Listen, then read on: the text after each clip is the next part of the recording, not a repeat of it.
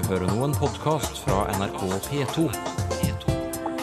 nrk.no-podkast. Mordersnegler og fotballbomber. Hvordan har 22. juli påvirket ordbruken på avisenes forsider? Den norske pressedramaturgien er nok veldig mye som før.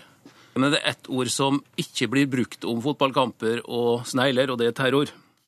Andre ord lar vi være å bruke fordi tiden har løpt fra dem, som for eksempel telefonbud. Altså det, det var jo noe som var aktuelt den tida telefon ikke var allemannseie. Flere nygamle ord i Språkteigen i dag. Du, øh, lytterspørsmål nummer 17 her, Sylfest Lomheim. Skal vi ha med det i dag? Å ja da. Men uh, hva er det for slags skriblerier du har laget med penn her? Ja, veit du enn at det jeg har skrevet på lappen min her Å ja, å ja, velsigne deg, Astrid. Ok, såpass ja. Da kan i alle fall Astrid glede seg. Det er snart ett år siden terrorhandlingene på Utøya og i regjeringskvartalet fant sted. Da pressen skulle skrive og snakke om det forferdelige som hadde skjedd, oppsto en diskusjon om ordvalg. Her i Språkteigen fortalte NRKs nyhetsredaktør Stein Bjøntegård om sine vurderinger. Det var en tendens i helt den første tiden om å snakke om hendelsen Noen brukte til og med ordet ulykke. Og en hendelse er jo et nøytralt begrep som for så vidt ikke kan sies å være feil, men i en slik setting så blir det helt feil, fordi det er så mye alvorligere enn det. Så da måtte jeg sende ut en instruksjon mer eller mindre til folk om at det ordet kan vi ikke bruke, det er altfor nøytralt. Vi må heller ikke bruke ordene, ordet begivenhetene i regjeringskvartalet og Utøya. Vi må bruke ord som bombeangrep, bombeeksplosjon, bombeattentat, massedrap, massemord, massakre.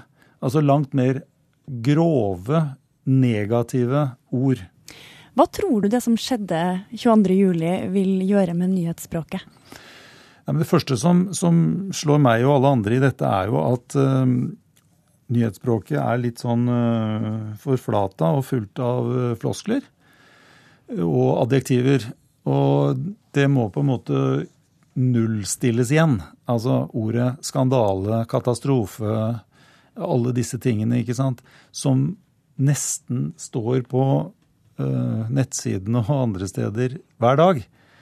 Da har vi ikke ord når sånne ting som det som skjedde nå, skjer, altså en, en massedrapsmann som er ute og dreper 77 mennesker.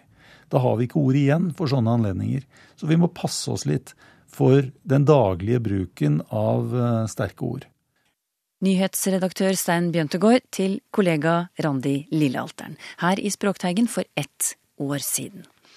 Bjøntegård mente altså at språket hadde blitt nullstilt at fra nå av ville det være vanskelig å bruke de mest dramatiske ordene om andre ting. Men ble det slik? Lars Årenes, du underviser journalister i språkbruk, du har fast språkspalte i fagbladet Journalisten, og så har du i mange år holdt et øye med hvordan vi i pressen snakker og skriver. Og hvordan har det gått med pressespråket i løpet av dette året? Pressespråket er som det alltid har vært etter dette året òg. Det er visse ord som har fått andre betydninger, men eh, den norske pressedramaturgien er nok veldig mye som før. Eh, vi lærte på Journalisthøgskolen den gangen jeg gikk der, at det var fire K-ord som nesten alltid kunne brukes. Det var kupp, krise, krig og kaos. Og vi har disse ordene med oss, sammen med en masse andre litt sjokkbetinga ord, som skal belyse et eller annet tema som kanskje ikke er veldig stort. Ja, jeg har gjort et lite dykk i avisarkivene, bare for å teste om de store, dramatiske ordene er i bruk igjen. Om andre, mer hverdagslige ting. Og det er de. Jeg finner omtale av både mordersnegler, her leser jeg om søppel søplete badeplasser som ser ut som krigssoner. Eh, Det er dyre bomavgifter som beskrives som tragedier. Fotballkamper med bomber. Altså, hvorfor fortsetter vi med denne ordbruken, selv etter det som skjedde for et år siden? Jeg tror ikke de deskene der journalistene som bruker de ordene, ser at det er noen sammenheng. De har alltid brukt sånne dramatiserende ord, og kommer alltid til å gjøre det. Eh, Så spørsmålet er heller hvilke ord er det de kanskje nå har slutta å bruke på samme måten som de ordene du nevnte. Ja, hvilke ord er det? Vi har sluttet å bruke. Eh, ja, Vi har ikke slutta å bruke det, men det er ett ord som ikke blir brukt om fotballkamper og snegler, og det er terror. Fordi terror nå har fått en helt spesiell mening for oss som den ikke egentlig hadde før, selv om vi har opplevd terror i naboland. Slik at terror det er nå så knytta til Utøya og, og regjerings, regjeringskvartalet at eh, det er veldig vanskelig å begynne å bruke det ordet. Det tror jeg ligger på instinkt hos de journalistene som dramatiserer. Men vi hørte jo eh, Stein Bjøntegård her si at for et år siden at han trodde det fra nå ville være vanskelig å bruke de mest dramatiske ordene om andre ting. Hvorfor gjør vi allikevel det? Det handler jo om å vekke interesse hos lesere og lyttere. Altså vi, må, altså vi, vi journalister syns at vi må dramatisere. Og bare jeg har fulgt eh, referatene fra rettssaken. Og der ser du et litt pussig todelt fenomen at journalistene som refererer ungdommene eller vitnene og forskjellige andre i rettssalen, er veldig nøkterne. De bare gjengir de ordene som blir brukt, og som sjelden er dramatiske. Mens på kommentarplass så ser du veldig ofte at eh, kommentatoren tyr til den hjerteformede Utøya. Altså legg på noen adjektiver for å understreke følelser, mane det fram. Eh, Det er det mange journalister syns de må, men akkurat saken er jo så sterk i seg sjøl at det er helt unødvendig med ekstra adjektiv. Det er litt fascinerende sett fra et språksynspunkt. Du sier at eh, journalister alltid vil lete etter for store ord. Hva mener du med det? Eh, Det er noe som heter store innganger til små hus. Du tror at du ikke får oppmerksomhet uten å rope litt ekstra. Så velger du sånne sjokkord. altså Det kan jo være både positive og negative ord i pressen. Hvis du ser på forsidene av avisene, så skal det jo vekke oppmerksomhet, tiltrekke seg lesere. Da er dette måten å gjøre det på. Finne ord som kan virke tiltrekkende, rett og slett. Og det er selvfølgelig disse sjokkorda i en eller annen betydning som har den effekten, syns journalisten. Altså, Det handler litt om fantasiløshet, at kanskje journalisten skulle prøvd på noe annet. Eh, Det er jo jobben til oss som jobber med journalistspråk, å prøve å lede det over på en annen tankegang, men det er ikke alltid like lett. Ja, hva syns du, hva syns du om, eh, om at vi da fremdeles eh, bruker både krigssoner og katastrofer og, og slike ord om, om relativt små ting? Det er farlig å si dette her, men nyhetsmedia i Norge er fullstendig overdimensjonert i sammenlignet med de hendelsene vi skal dekke. Eh, Det er ingen stor dramatikk i Norge, bortsett fra 22. juli og enkelte andre ulykkeshendelser, så er det ikke store ting som skjer i Norge. Eh, Men orda ligger jo der klar til bruk hele tida, så da blir det jo nesten for fristende å la være, da. Pressespråket er som før 22. juli. Det mente Lars Årenes, som annet underviser journalister i språkbruk og har fast språkspalte i bladet Journalisten. Vet du hva herrevink betyr? Nei, ingen anelse. Har du noen gang hørt ordet herrevink? Aldri. Herrevink? Nei, det aner jeg ikke. Har ikke peiling. Hva med ordet smørdag? Det høres ut som en veldig fin dag. En skikkelig strålende dag. Mye sol og smør. Telefonbud, hva er det? Kanskje det er sånn gammelt ord for telegram? Telefonbud. Det hørtes ut som noe man kunne sagt i en gammel film fra 50-tallet, men har heller aldri hørt. Nei, eh, ikke alle kjenner disse begrepene. Du kaller dem nygamle ord, språkforsker Tor Erik Gjenstad. Og du samler på dem også. Men du, når du sier nygammelt ord, hva legger du i det egentlig? Jeg tenker da på eh, ord som kanskje er, er gått ut av språket, men som likevel ikke er så fryktelig gammel. De kan skrive seg fra eh, utover 1900-tallet eh, og høre til dagliglivet kanskje 20-30 års tid innpå der, men så er det da fenomen og institusjoner som er kommet vekk igjen, og dermed forsvinner ordene òg, uten at en eh, gir noe særlig akt på dem, kanskje. Ja, Men hvorfor er du så interessert i slike ord, da? Jeg er jo generelt interessert i ord, og det er jo jobben min eh, i eh, Norsk ordbok 2014. Og der skal vi jo ha med eh, alt ordforråd, og det her er jo òg en del av kultur- og språkhistoria vår som fortjener å bli dokumentert, like så vel som alle de her virkelig gamle orda. Eh, tradisjonsorda på eh, gammel arbeidsredskap, gammel arbeidsmetode f.eks. De ordene vi hørte innledningsvis her, det er jo ikke sikkert alle kjenner dem. Vi, må, vi må, ta dem. Herrevink, f.eks. Hva ja. kan du si om det? Eh, nei, altså, jeg har ikke så mye å si om det. Jeg har hørt det, fått opplysning om det av én informant ute på Hitra. Beskrev det som en hårmote for mannfolk, da. Før andre verdenskrig. Derav er det jo herre, da. Og det var da en flusk eller dusk som de kommer ned i panna. En hårsveis, altså. Eh, som var på moten eh, den tida. Mm. Du, Den vinken, det må jo være den derre flusken som du sier ned ja, ja. i pannen? da? Ja, det er nok det, vet du. Ja, så Ordet er jo eh, gjennomsiktig i og for seg, men jeg har det ikke registrert i, noe arkiv det jeg kan se, så det er bare ifra den ene informanten så mm. langt. Mm. Vet du når det ordet gikk ut av bruk? Nei, jeg vet jo ikke noe mye mer om det, annet enn at det, det faktisk da lever folk den dag i dag som husker på det. Mm. Men så var det smørdag. Ja, det er jo et sånn eh, begrep uh, som en kanskje ikke tenker på er noe spesielt, men jeg tror ikke det, det blir praktisert lenger. Altså, det var jo uh, for nå er det jo helt andre system med leveranser av den slags produkt. Men det var altså en fast dag da kjøpmenn, handelsmenn, tok imot smør, nykinna sådant, fra gårder og setre og det ble da bytt i Ja, det kunne være eh, kontant oppgjør, eller også at det var bytta i varo, da. Ja, Når sluttet vi å ha smørdager, da? Ja, det, det må du mest da spørre folk i forskjellige lokalsamfunn om. Men eh, det, det forsvant nok da gradvis i, utover etterkrigsåra. Og så var det det tredje ordet, telefonbud. ja, uh, telefonbu, ja, telefonbau, som det het i, i Trøndelag. Altså det, det var jo noe som var aktuelt eh, den tida telefon ikke var allemannseie.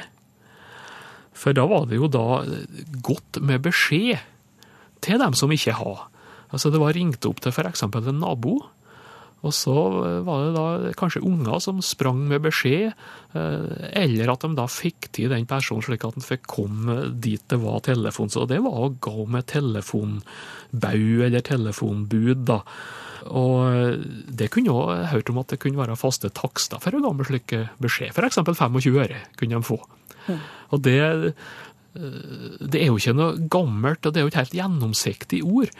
Eh, men det er et fenomen som ikke eksisterer lenger. Og eh, det tror jeg er et poeng med det her at eh, lokale ordsamlere har lett for å ikke ta med slike ting. Hvorfor ikke? Nei, Jeg tror jeg var kanskje mer opptatt av de her rettelig gamle. Altså gammel gardsredskap, fiskeredskap. Og det blir kanskje sett på som at de her ordene som telefonbud, at det, det er det ikke noe spesielt med. Men det er, som jeg sa, en del av historien og kulturen vår, det der òg. Du, jeg eh, tror jeg har et bidrag. Ja, flott. Eh, det er fra min oppvekst på ja. 50-60-tallet i Oslo. Ok. Melkebutikk. Ja, det, det altså egne melkebutikker og utsalg. Det, det er nok òg noe som som har gått ut, mer eller mindre, ja. ja jeg pleide å, å bli med moren min da, til melkebutikken ja. på hjørnet. Ja, ja, ja. Der var det svarte og hvite fliser på gulvet. Jeg har et sånt bilde av det. Og, og, så var det damer i hvite frakker bak disk, og, og glassflasker med foliekork. Eh, Kvalifiserer melkebutikk til betegnelsen nygammelt ord? Eh, ja, jeg vil si det. altså det er snakk om et, eh, fenomen som ikke eksisterer lenger. Ja, for det, det gjør det jo ikke. Det gjør det jo ikke, nei, nei. så da, da, forsvinner ordet òg. Så ja. det, det, hører absolutt med. Og, og, så blir jo spørsmålet enda hvor, hvor lokalt er det her? Fantes det andre ord for, for det samme andre plasser? Og Det er en sånn kartlegging jeg egentlig savna litt, da, som jeg tror vi er litt for svak på. Ordet mitt skal du i hvert fall få gratis og franco. Flotte greier. Og når det gjelder de andre ordene i samlingen din, språkforsker Tor Erik Gjenstad, så tror jeg vi skal satse på at det kommer et lite drypp nå da i Språkteigen, for dette er ord som vekker minner hos eh, mange lyttere, vil jeg tro. Så var det oss da, Sylfus Lomheim, og lytterbrevene. Du, først et her fra Ingrid Dørum, som skriver Jeg lurer litt på det med å ta bladet fra munnen. Har aldri helt forstått hva det kan komme av. Men det vet vel dere? Ja, og jeg tror òg at Ingrid Dørum hun veit akkurat hva dette uttrykket betyr på norsk. Å ta bladet fra munnen er jo rett og slett å seie noe beint ut, uten omskriving. Og det er kanskje ikke bare hyggelig og noe kompliment som da blir sagt, å ta bladet fra munnen. Opphavet er nok ikke norsk. Det ser ut som dette uttrykket bare blir brukt i Nord-Europa, så vi må gå til dansk også, og truleg tysk. Det viser seg at uh, i gammel tysk skuespillertradisjon, og da er vi langt tilbake i tid, så eh, i teaterstykket så en skuespiller som skulle seie noe ubehageleg, kunne sette blad enten fra tre eller rett og slett kanskje et ark, hva veit jeg, for å skjule ansiktet og så servere noe som ikke var behagelig. Og når det var gjort, så tok skuespilleren bladet fra munnen igjen. Så historisk sett så kan vi si at det å ta bladet fra munnen betyr å nettopp å ha sagt noe svært ubehagelig. Og det passer jo fint. Astrid Aubert skriver jeg hører stadig oftere f.eks. at folk er redde for livene sine, og de måtte flykte for livene sine. Jeg er vant til å si de er redde for livet sitt, og de måtte flykte for livet. Vi har da bare ett liv, uansett hvor mange mennesker det gjelder. Hva er riktig, spør hun. Ja, veit du enn at det jeg har skrevet på lappen min her Å ja, å ja, velsigne deg, Astrid å være ifra Kristiansund. Fordi den feilen hun tar opp her, det er en feil i norsk språk som breier seg noe voldsomt. Og det er ingen tvil om, folk er redde for livene sine. Det er ikke norsk. Det er ikke idiomatisk norsk, det er engelsk. Their lives. Men i korrekt norsk språkbruk, både i dialekt og i skrift, bokmål nynorsk, så skal det være livet. Folk er redde for livet sitt. Og de mistet ikke livene sine, som vi også hører av journalister. Nei, de mistet livet. Sjølsagt. Så eh, nå hører alle lytterne at det her er veldig krass og klar. Dette er håpløst, og her må journalister og mange andre rett og slett bare skjerpe seg. Til og med yngre prester, når de står framfor alteret og ber til Gud, så eh, har jeg hørt at eh, eh, må du være med oss i livene våre? Nei, Gud skal være med oss i livet vårt. Trond Lindheim er komponist og har skrevet et stykke han har kalt Jenny med dobbelt konsonant.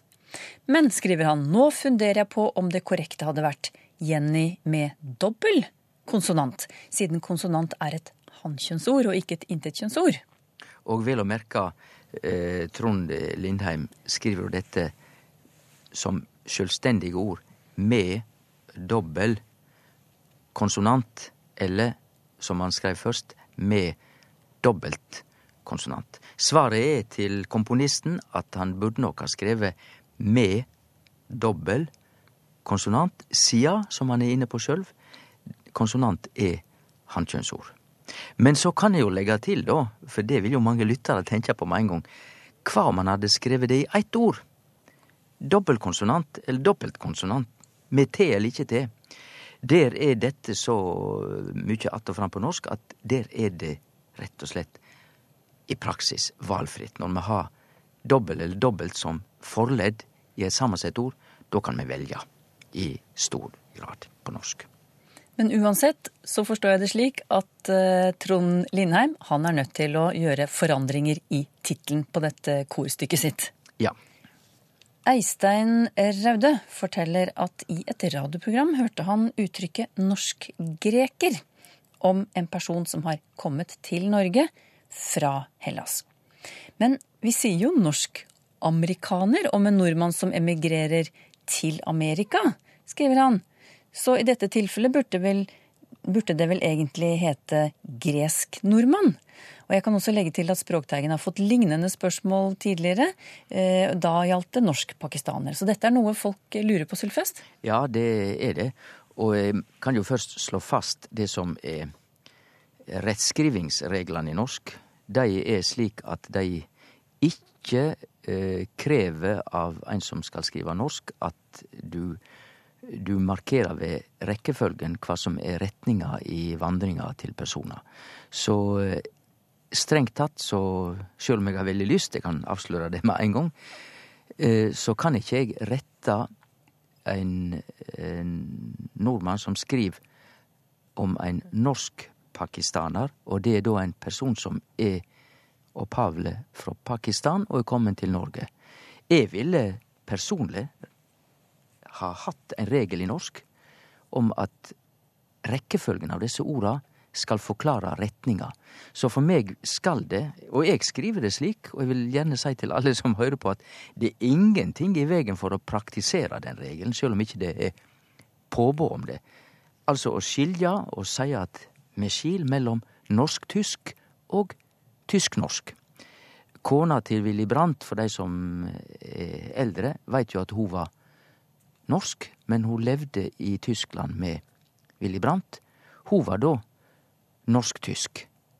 Men eh, tyskere som kommer til landet vårt i dag og lever her og etablerer seg her, bor her, de vil da være tysk-norske.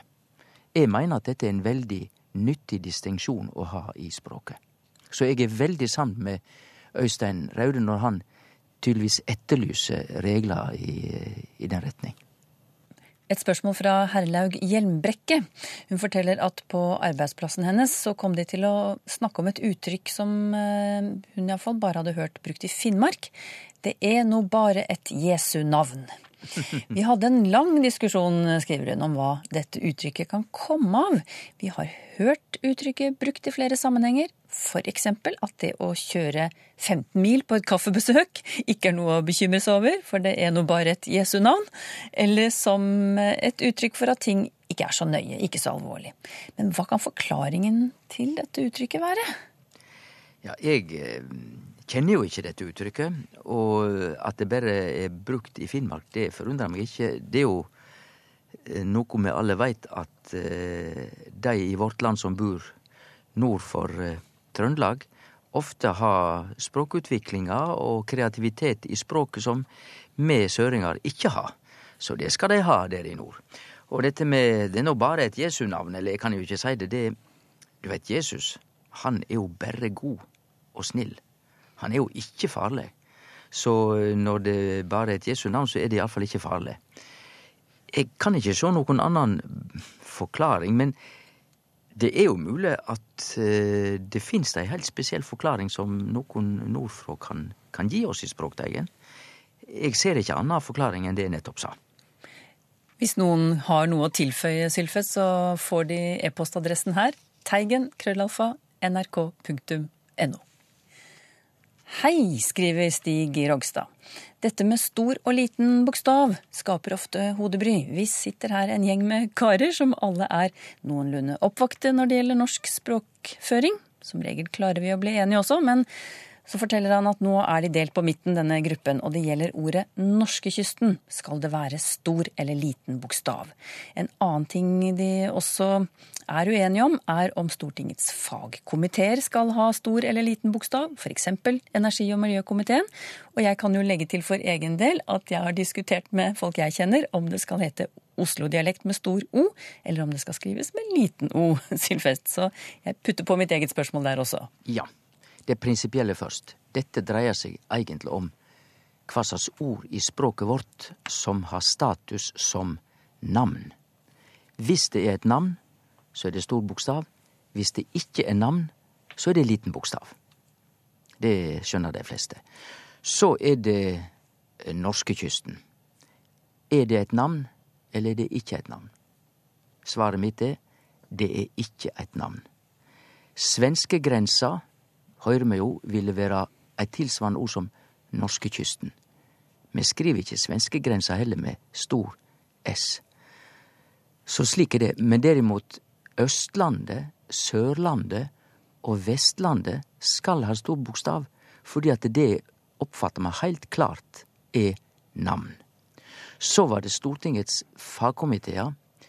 Eh, der eh, Stig Rokstad heilt inne på det, at det er strid om det. fordi hvis vi ser i avisen og folk skriver, så er det mange som skriver om finanskomiteen på Stortinget med stor F, og energi- og miljøkomiteen med stor E, og i det hele tatt. Svaret er nei. Dette er bare komité, et fenomen. Det er ikke et navn i det hele tatt. Så det er ingen av komiteene på Stortinget som skal ha stor bokstav. Det kunne sies mye om stor og liten bokstav, men slik er det. Så det du nevner, N, som vi tar med i samme slengen, Oslo-dialekt, stor O eller liten O. Der er regelen slik at hvis vi skriver dette med bindestrek, Oslo-dialekt, så bevarer Oslo karakteren av navn.